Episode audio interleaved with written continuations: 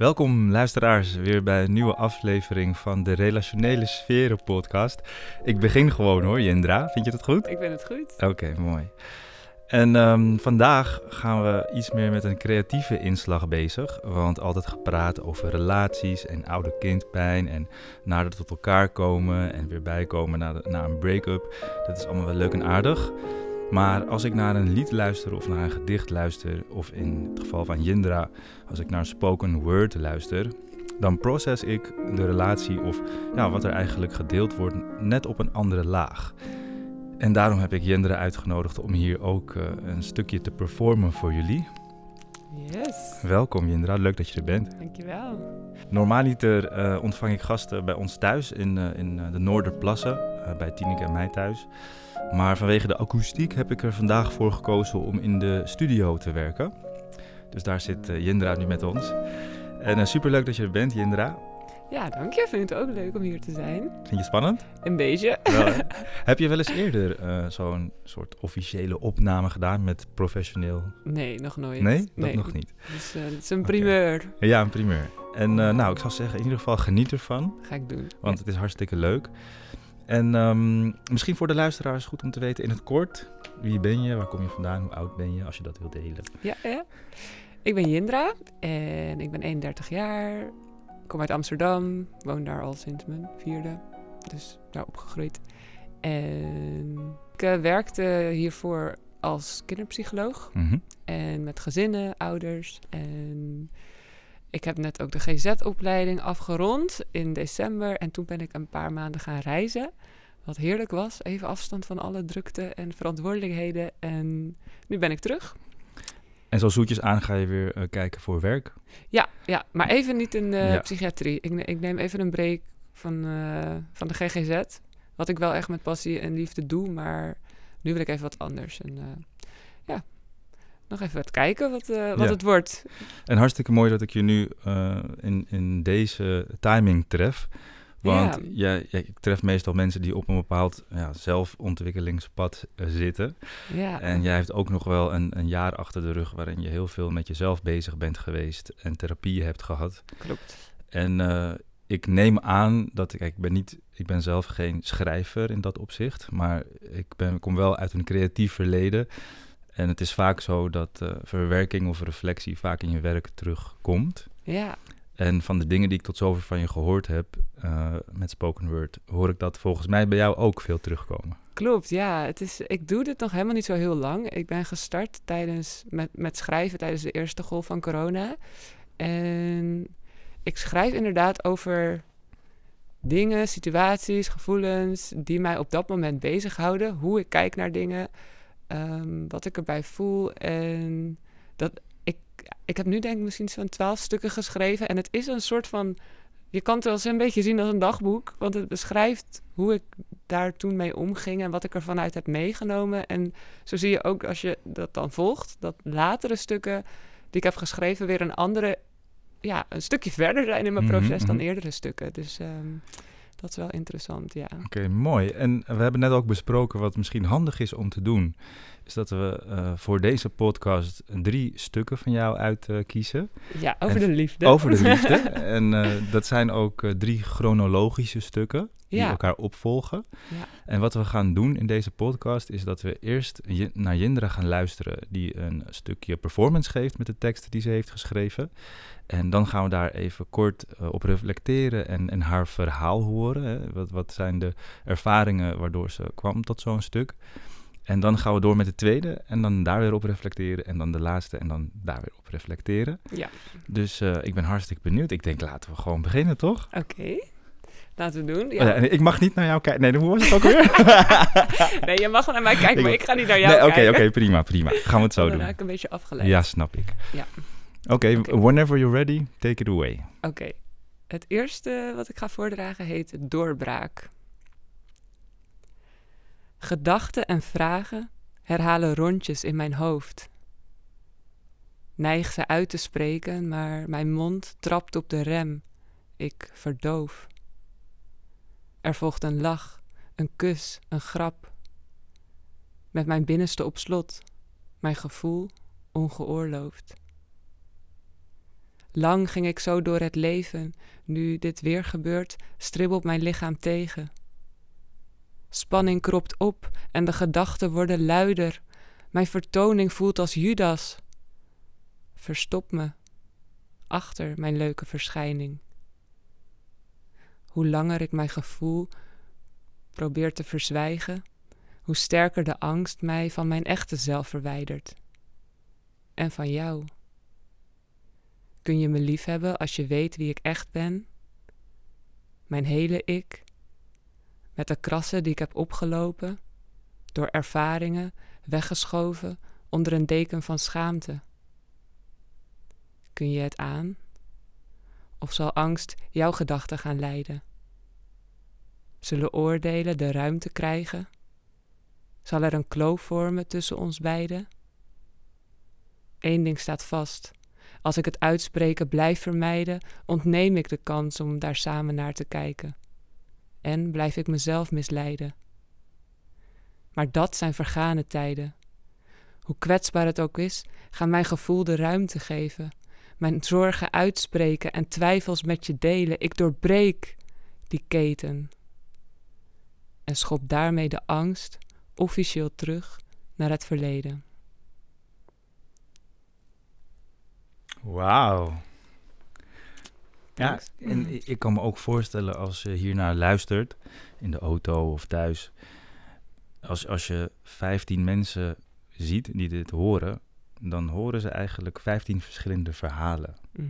Omdat ze het ontvangen, zoals jij het vertelt, met de referenties die zij hebben. Ja. Maar we zitten hier natuurlijk voor Jindra en haar referentie. Ja. Dus ik ben even heel benieuwd um, over wat voor situatie gaat dit? Mhm. En hoe lang is het geleden dat je, dat je dit geschreven hebt? En uh, kun je iets, een achtergrondinformatie met ons delen over wat er toen speelde? Ja.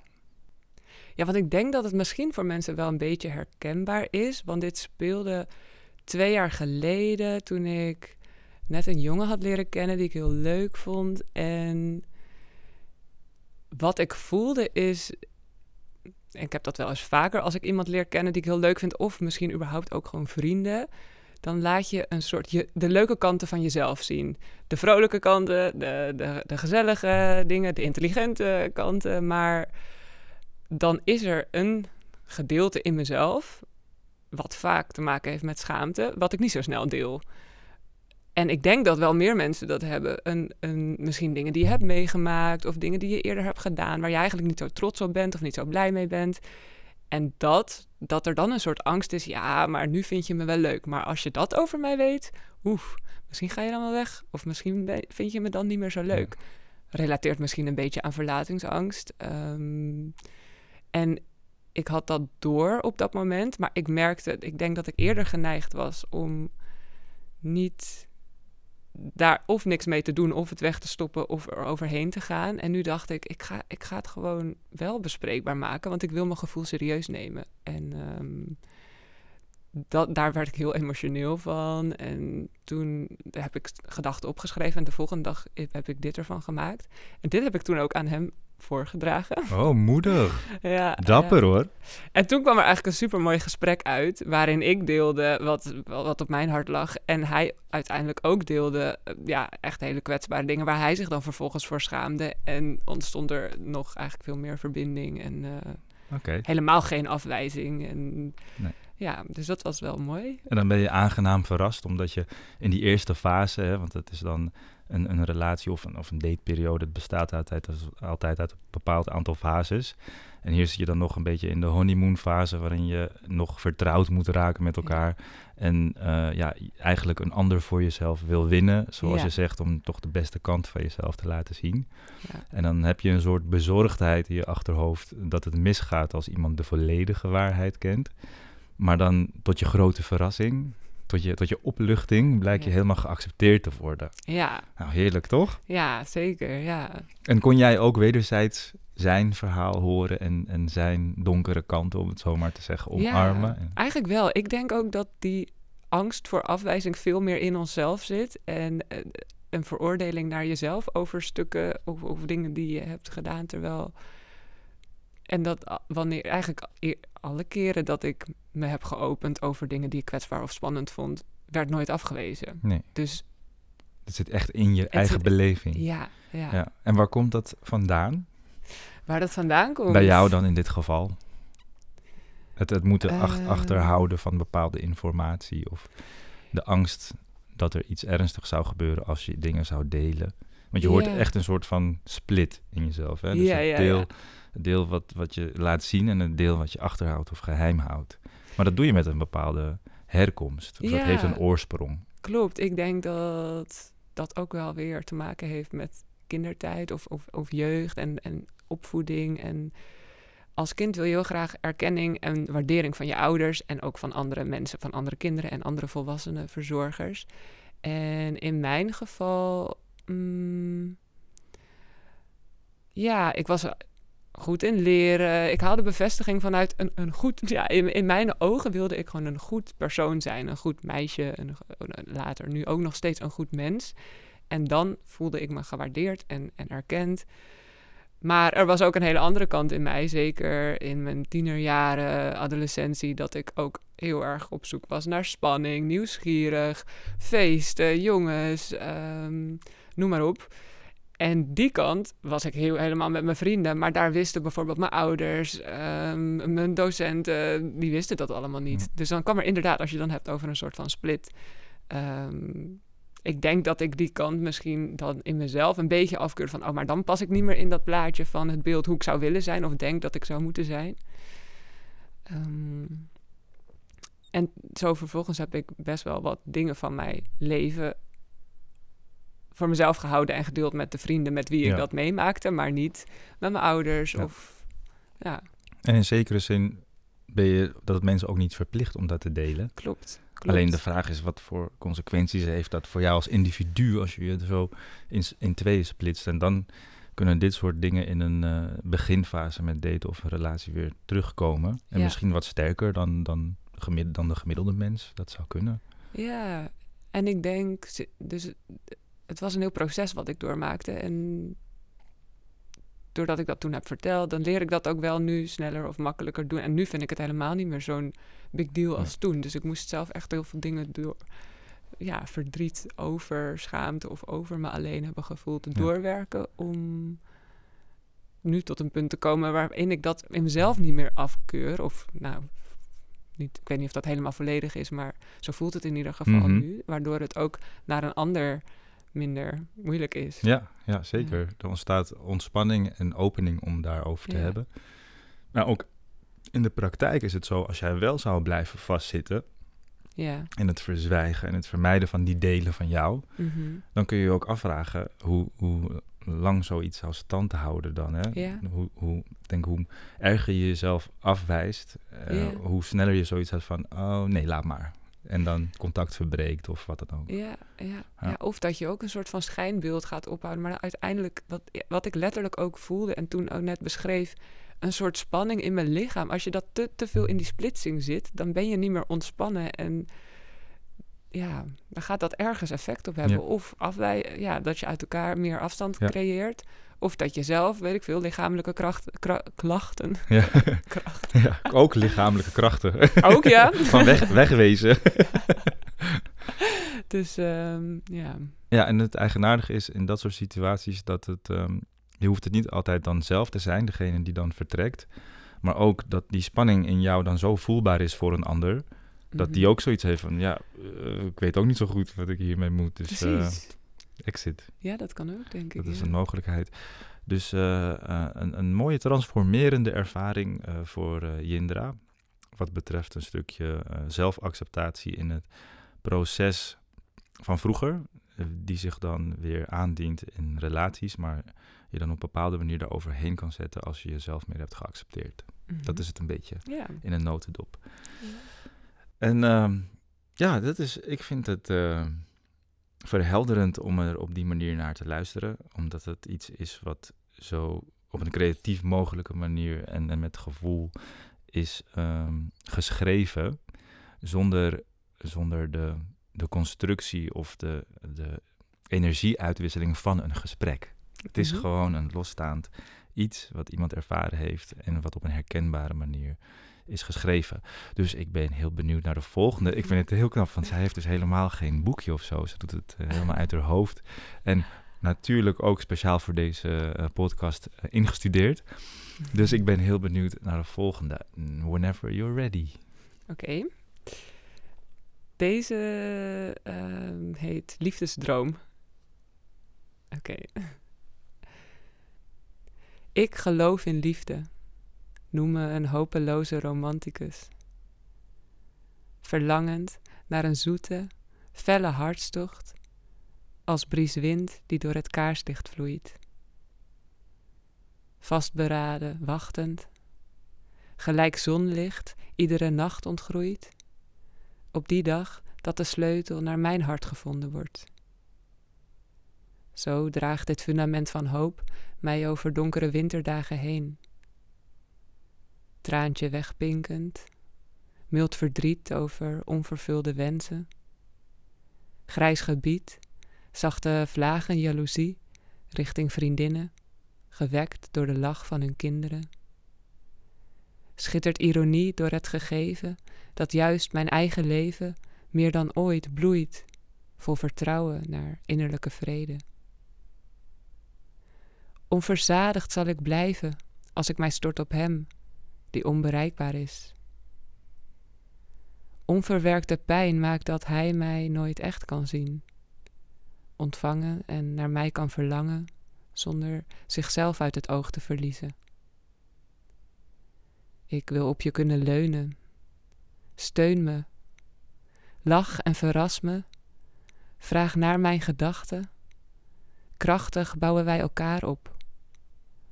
Val en ik vang je. Omarm je in al je pracht en zwaktes. Heb je lief zoals je bent, jij houdt van mij als geen ander. Zwevend op een wolk, langs hoge bergtoppen over zeeën, glijden zandkorrels tussen mijn vingers door naar beneden. Warme zonnestralen openen mijn ogen. Lig ik daar onder vers uitgebloeide bomen, hand in hand met hem, die voorheen enkel van mij kon dromen. Heel mooi, heel mooi Indra. Ja, dit is duidelijk een, uh, een opvolgend fasetje waar je dan in zit. Het is meer een soort van euforisch in de wolken ding. Mm. Um, maar toch um, schemert er een bepaalde kwetsbaarheid doorheen. Ja.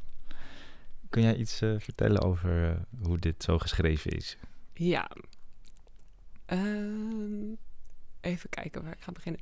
Kort verloop, dus die fase, die datingsfase, dit gaat nog, is nog steeds een beetje in datzelfde proces. Met de jongen nadat ik dat, hef, ja, die meer verbinding kwam doordat we open waren, merkte ik eigenlijk twee weken later al, oké, volgens mij is het een jongen die helemaal niet emotioneel beschikbaar is en, en zelf echt nog heel veel te verwerken heeft. Dus um, dat is niet iets waar wat ik verder, niet een boyfriend material, laten we het zo Hmm. zeggen. Dus ik wil ook eigenlijk stoppen hiermee. Maar vervolgens deed, zei ik dat ook en wilde ik dat ook. Maar vervolgens werd ik heel erg weer to- tot hem aangetrokken. En was het een soort van dans van... ehm, ik wil niks met je, maar tegelijkertijd kan ik ook niet zonder je. En sp- spen- spendeerden we heel veel tijd samen. En tot het dan weer een punt was dat ik dacht... ja, maar dit wil ik helemaal niet. Of eh, dit is, hierdoor raak ik ook gekwetst. eh, En dan weer niet, en dan weer wel, en dan weer niet. En op een gegeven moment dacht ik... oh, ik ben er echt even klaar mee. En toen hadden we het contact verbroken. Toen was het winter, dus ik denk een half jaar later. En ja, in de winter, dan is het dat, ik denk als vrijgezel in de winter, dan is het koud en grijs en dan zijn de dagen lang. Dan kan je wel uh, wat gezelschap gebruiken. nou ja, dat, ik, ik voelde me dan best wel eens eenzaam. Ja. En, ehm, maar tegelijkertijd, omdat ik zo ook bezig was met mijn eigen proces en mezelf beter begrijpen, heb ik, ik heb altijd, ik ben al van jongs af aan gewoon super romantisch. eh, Ja. Kan ik dus wegzwijmelen bij films. Maar heb we altijd wel hoop gehad van ik, ik verdien ook iemand die er helemaal voor gaat en die wel emotioneel beschikbaar is. En ik weet ook als ik verder ga op deze route wat ik doe, dan ga ik daarvoor. En daar droom ik van. Dat, daar droomde ik toen die winter van. En toen heb ik dit geschreven. Dus dit stuk gaat over enerzijds de moeilijke gevoelens die erbij komen kijken als je, ik ben op mijn 31ste uh, nog steeds, nou toen was ik dan 30, nog single, terwijl al mijn vrienden aan het settelen zijn, kinderen krijgen. Ik hou enorm van kinderen, wil dat ook heel graag ooit, maar wel in een stabiele, goede, evenwichtige relatie. Dus enerzijds gaat het over het verdriet en het gemis dat ik dan niet heb, wat misschien herkenbaar is voor vrouwen op mijn leeftijd of wat ouder. Anderzijds over een soort vaststaande hoop dat, en vertrouwen waarvan ik denk dat ik, ja, waarvan ik eigenlijk zo zeker weet dat het wel gaat komen. Een relatie, iemand die goed bij mij past. Alleen dat ik dan wel af moet stappen van mijn, ja, toch wel neiging uh, om op emotioneel onbeschikbare mannen daartoe mm aangetrokken mm wordt. En wat ik dan wel wil en nodig heb in een man. Mhm. En ook wat ik te bieden heb. Zeker. En dat ik denk, als ik, die, als ik hier naartoe ga, dan vind ik ook iemand die zo'nzelfde verlangen heeft. En daar heb ik het dan op het laatst over. Van iemand die eigenlijk ook van mij droomde. Mhm, mhm. Dus ehm, daar gaat dit stuk over. Ja.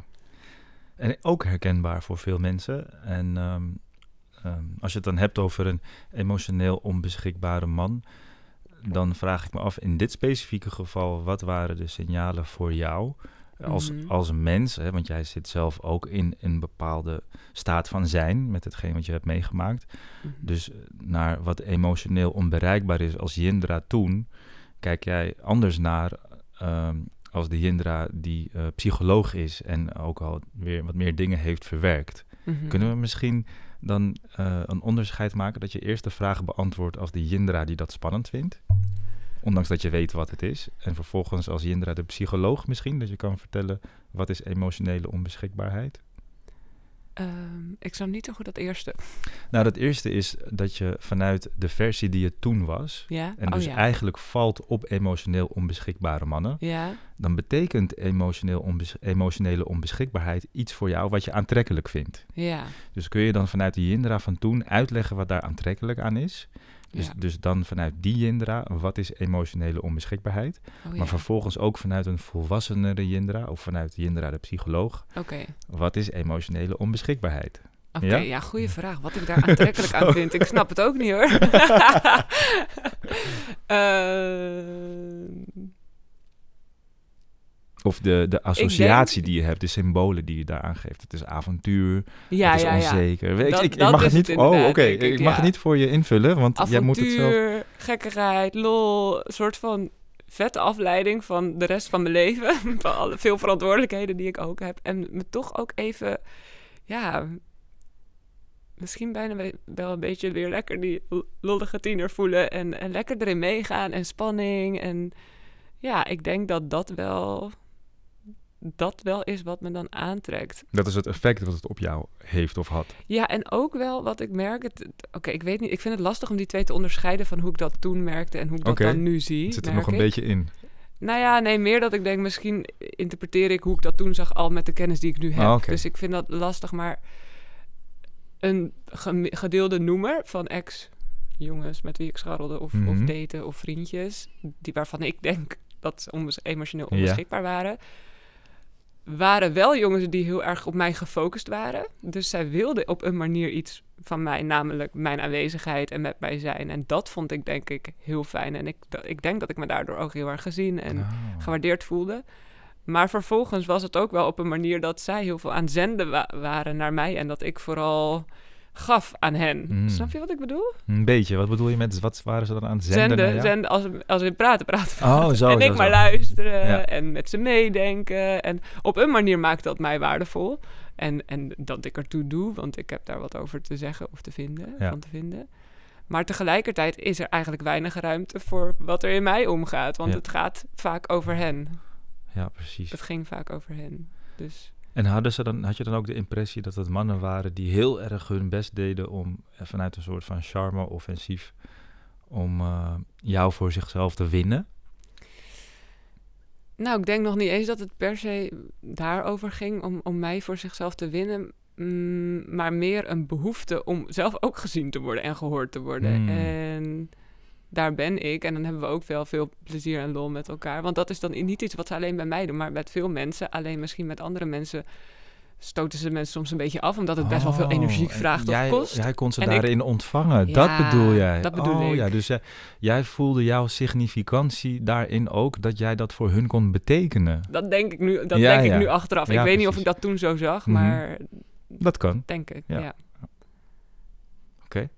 Ja. Ja. En in hoeverre herken je hierin dan iets van een please gedrag? Of, of, Ja, was het is denk ik best pleasant, want ik ga mee in de behoefte, ik vervul de behoefte eigenlijk van de ander, maar er zelf wordt een bepaalde behoefte van het ertoe doen ergens ook misschien vervuld bij mij, maar dat is niet op de manier waarop ik het zou willen, want Mhm. ik wil gewoon dat dat in, in balans is en dat ik daar niet iets voor hoef te doen of Mhm. snap je? Dat Ja. volgt er dan anders op.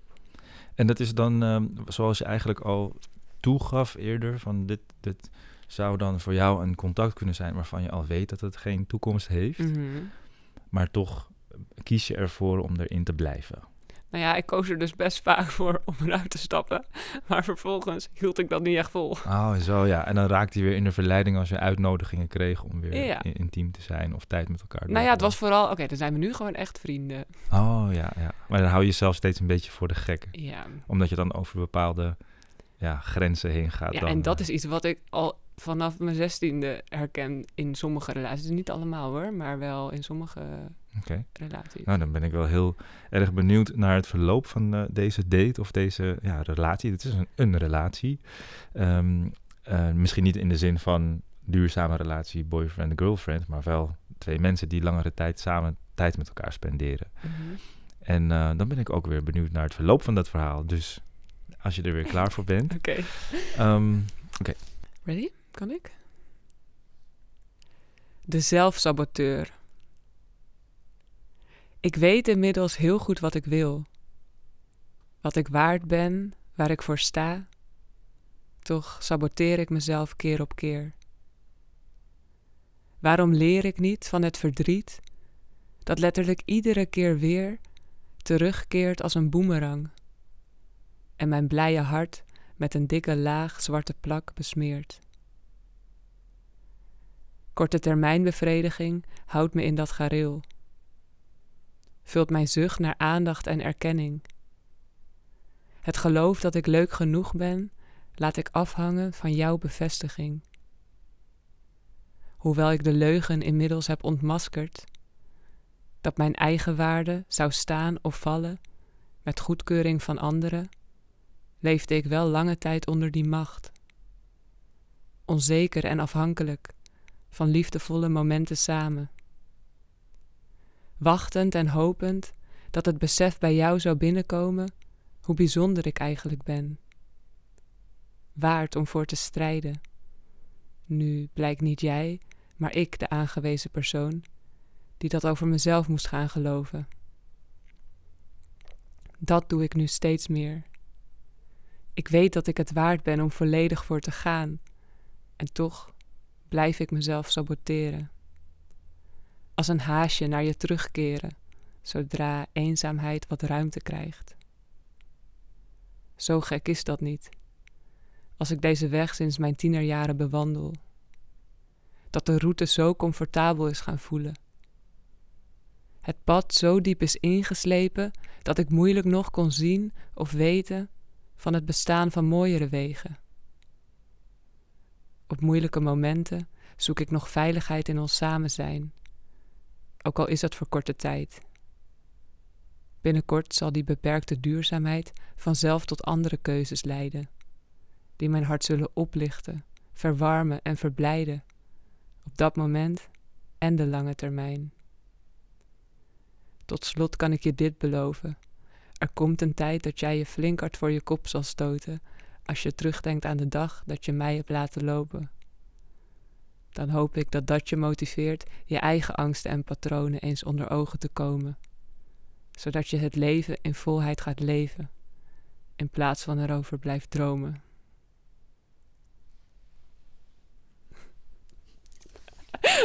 Oké, die laatste was een beetje een sneer, want toen was ik een beetje boos. dat is echt een behoorlijke sneer dat ik dacht, wow. Nou, echt zo van, wacht maar. Jouw tijd komt ook nog. Dat, dan hoor je een beetje mijn toch wel gekwetste van een stukje Ja. afwijzing, maar... Oké, ja, maar dit, dit is inderdaad een, ehm, een andere rode draad. Dit gaat over eh, Hè, geef me maar een correctie als het niet klopt. Maar over de manier waarop jij je eigen waarde hoog probeerde te houden met hoe, wat een ander van jou denkt of voelt. Ja. En vervolgens je daar overheen kan stappen of de ontdekking doet hoe je dat zelf kan doen. Mhm. Uh, maar dat dat met vallen en opstaan gaat. Ja. Ja. En dit is um, kenmerkend voor de knipperlichtrelatie. Of uh, de relatie waarvan je weet dat het nergens verder op uitdraait dan een bepaald punt. En je daar Mhm. toch als een soort van verslaving naar terug blijft grijpen.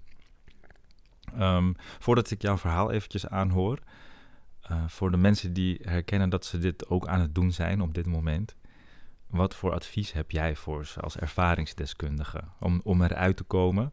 Of hè, dan wel door uit elkaar te gaan en te zeggen van ik wil dit niet meer voor mezelf.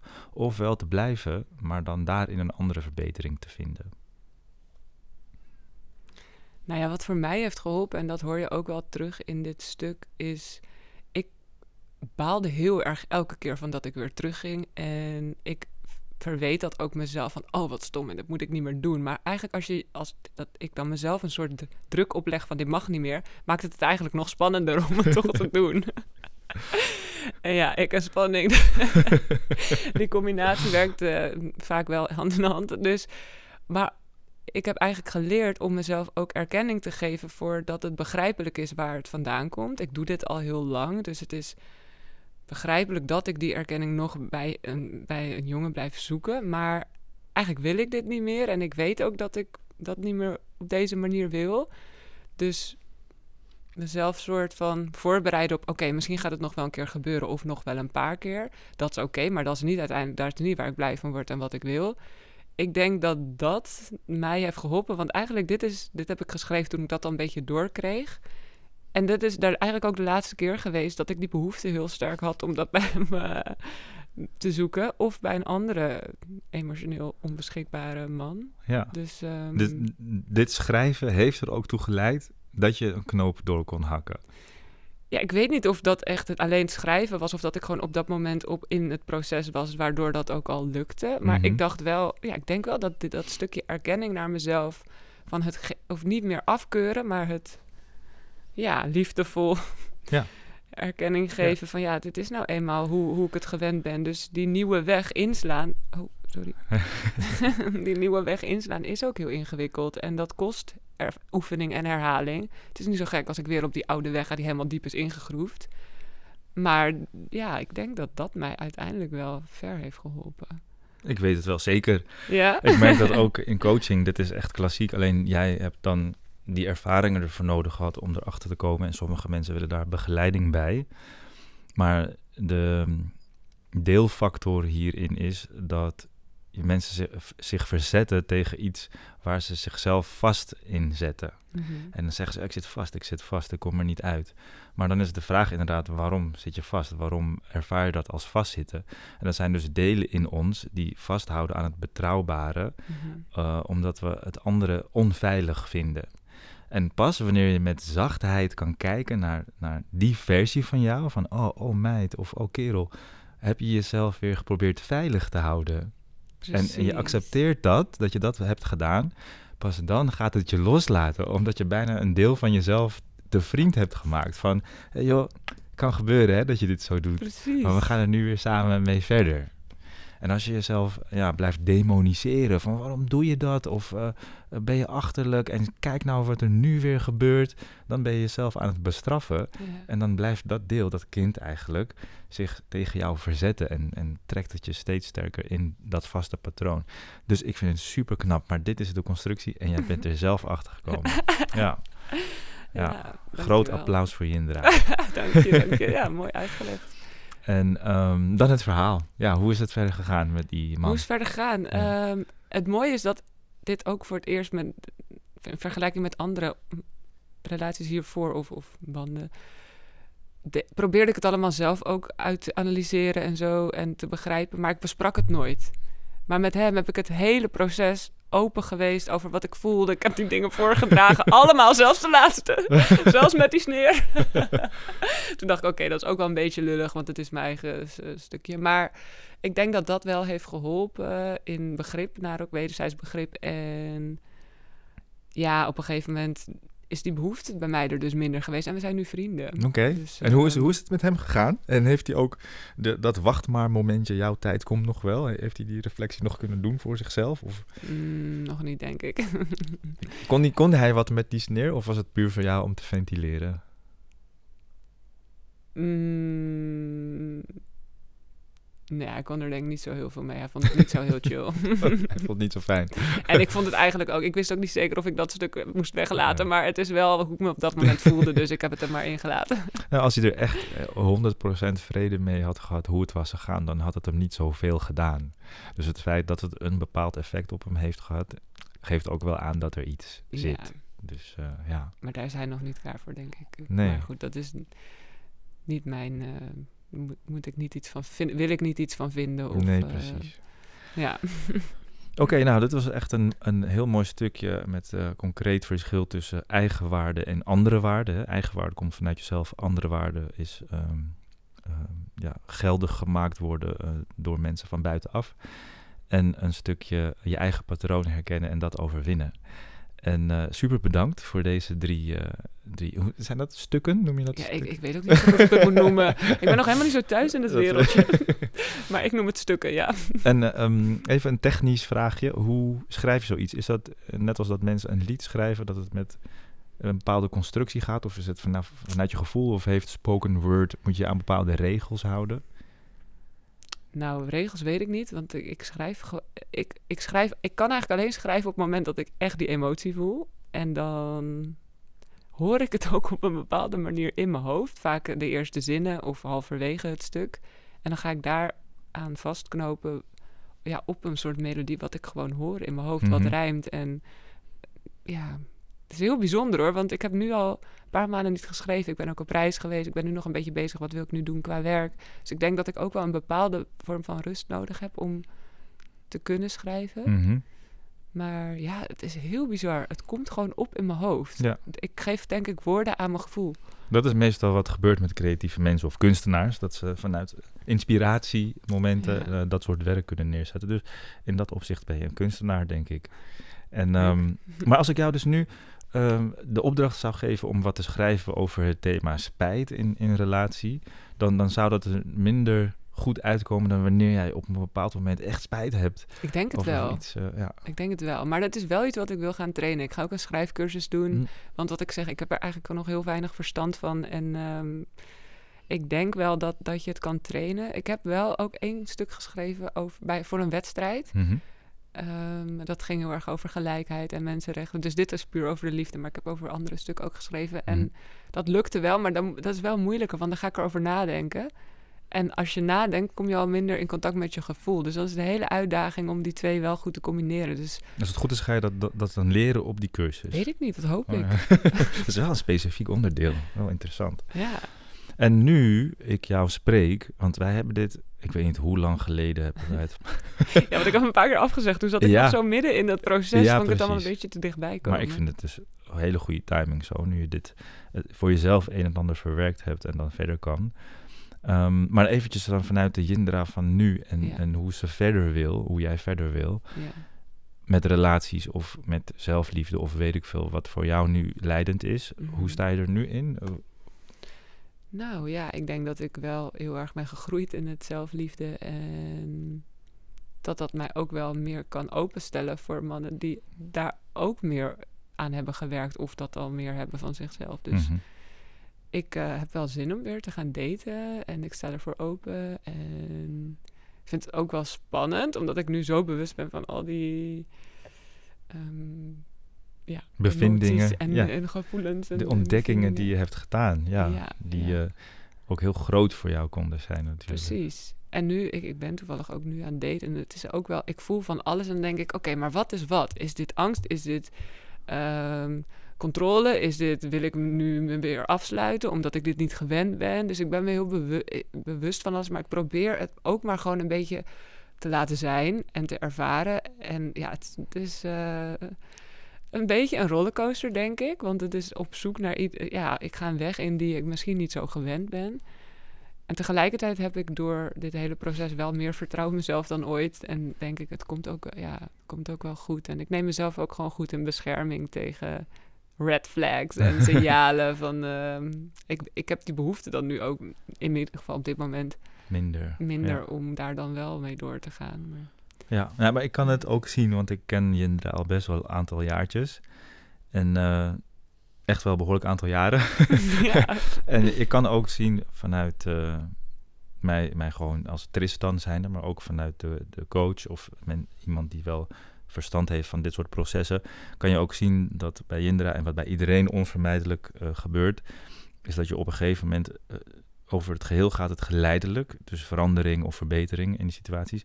Maar op sommige momenten laat je ook echt een oude identiteit los Mhm. om vervolgens andere resultaten te behalen. En als ik nu naar Jindra kijk, dan is er ook in de uitstraling en in de manier waarop ze naar me kijkt of een gesprek met me voert, is er een heel andere vrouw. Is dat zo? Dus eh, ik ben heel benieuwd wat het nu gaat brengen in de toekomst. En dan wil ik nog eigenlijk even afsluiten met een stukje generationeel eh, trauma eigenlijk. Want eh, iets wat heel vaak terugkomt bij mensen en in podcast of als ik eh, trajecten inga met mensen, is wat voor invloed de vorige generaties op ons gehad hebben, ook in de liefde. Wat zou jij willen meegeven aan mensen die een gezin aan het stichten zijn of kinderen krijgen, Mhm. ehm, waar ze aandacht aan kunnen besteden als het gaat om emoties delen of ruimte Mhm. voor je kind kunnen creëren, zodat ze misschien niet in eenzelfde soort val komen, die, die kinderen, zoals jij misschien Mhm. gevallen bent geweest. Ja.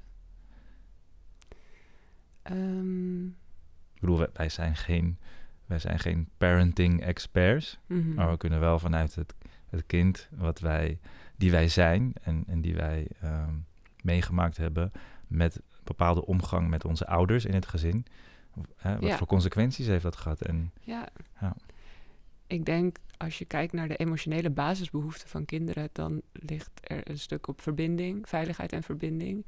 En een stukje op grenzen stellen en het expressen van emoties, het uit, uiten van emoties. En ik denk als ouder, hoe mooi het kan zijn om. Zeg maar, we zijn heel erg vaak gewend om in het concreet, in het hier en nu te vragen naar hoe was je dag? Eh, wat heb je gedaan? Dus echt wat je doet. Maar die gevoelswereld, hoe voelde dat voor jou? En ehm, wat deed dat met je? Wat doet het met je? Ik denk dat dat mijn grootste, eh, ja, misschien wel tip zou kunnen zijn. Of eh, wat ik merk ook, mijn ouders die leren nu ook door dit hele proces. Zijn, zijn ook heel erg meegenomen, in meegegaan in mijn proces. We hebben veel gesprekken. En zij geven ook aan, wij, ik wist gewoon niet hoe ik daarnaar moest vragen. Anders had ik het wel graag gedaan en graag gewild. En ik denk als je daar als ouder bewust van kan raken en een beetje mee kan oefenen, het vragen naar de gevoelswereld, dat dat een hele mooie is. En dan tegelijkertijd toch een stukje kaders en grenzen. Maar ja, goed, in wat voor manier, dat is ook altijd zoekende. en heel persoonlijk. Ja. Ja, en heel persoonlijk, precies. Dus, ehm maar ja, dat, dat, dat zou ik denk wel willen meegeven. Waardevolle afsluiter. Ja, niet iedere luisteraar zal meteen eh, een gezin voor ogen hebben. Maar mocht het een rol spelen in je leven, zoals voor mij nu bijvoorbeeld persoonlijk. Dan, eh, en, en vanuit alle verhalen die ik eh, te horen krijg, zowel online van, van mensen die me volgen of, of de podcast luisteren of mensen die klanten worden, komen dit soort thema's ook helemaal terug. Dus goed om te horen. Dank je wel voor het advies. Ehm, ik wil je bedanken voor je komst en je tijd en je creativiteit. Dankjewel. En over een halfjaartje weer. Oké. Jullie willen van voor vervolg weten. dan gaan we jou gewoon volgen. En dan gaan we om het half jaar gaan we kijken hoe het met Jindra gaat. En haar, eh, haar eh, misschien wat vroeger een soort van bindingsangst was. Ja. Hechtingsproblematiek. En, eh, en hoe dat verder gaat in de liefde. Maar natuurlijk ook heel veel meer eh, spoken word eh, Mhm. stukken. En luister jij nou en, en ben jij zelf ook een schrijver, of het nou liedjes zijn of gedichtjes, of net als Jindra spoken word, of misschien wel heb je een paar mooie eh, rapstukken staan.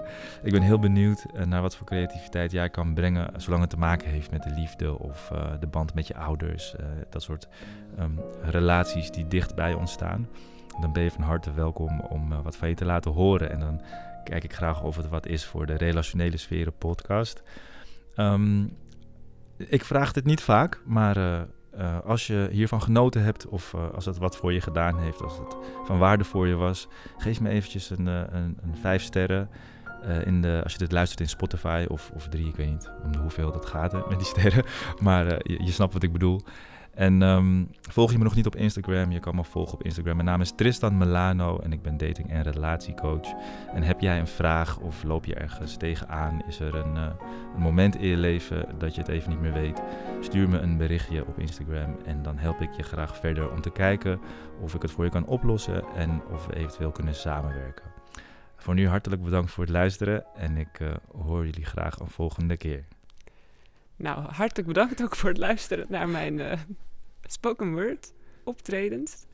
Ik uh, ben bezig met een uh, Instagram page te maken waar ik ook wat meer ga posten. Dat heet Sprekend Yin. Mag je volgen? Er staat nog niet zoveel op, want ik had er nog niet zoveel tijd voor. Maar er volgt. Het volgt. Oké. Okay. Dus ik ben benieuwd. en voor nu hebben we dus de primeur. En uh, deze uh, rubriek binnen de Relationele Sferen podcast, die doop ik nu om tot uh, Liefde op het eerste gedicht. En ik hoor je graag bij de volgende aflevering. Tot dan!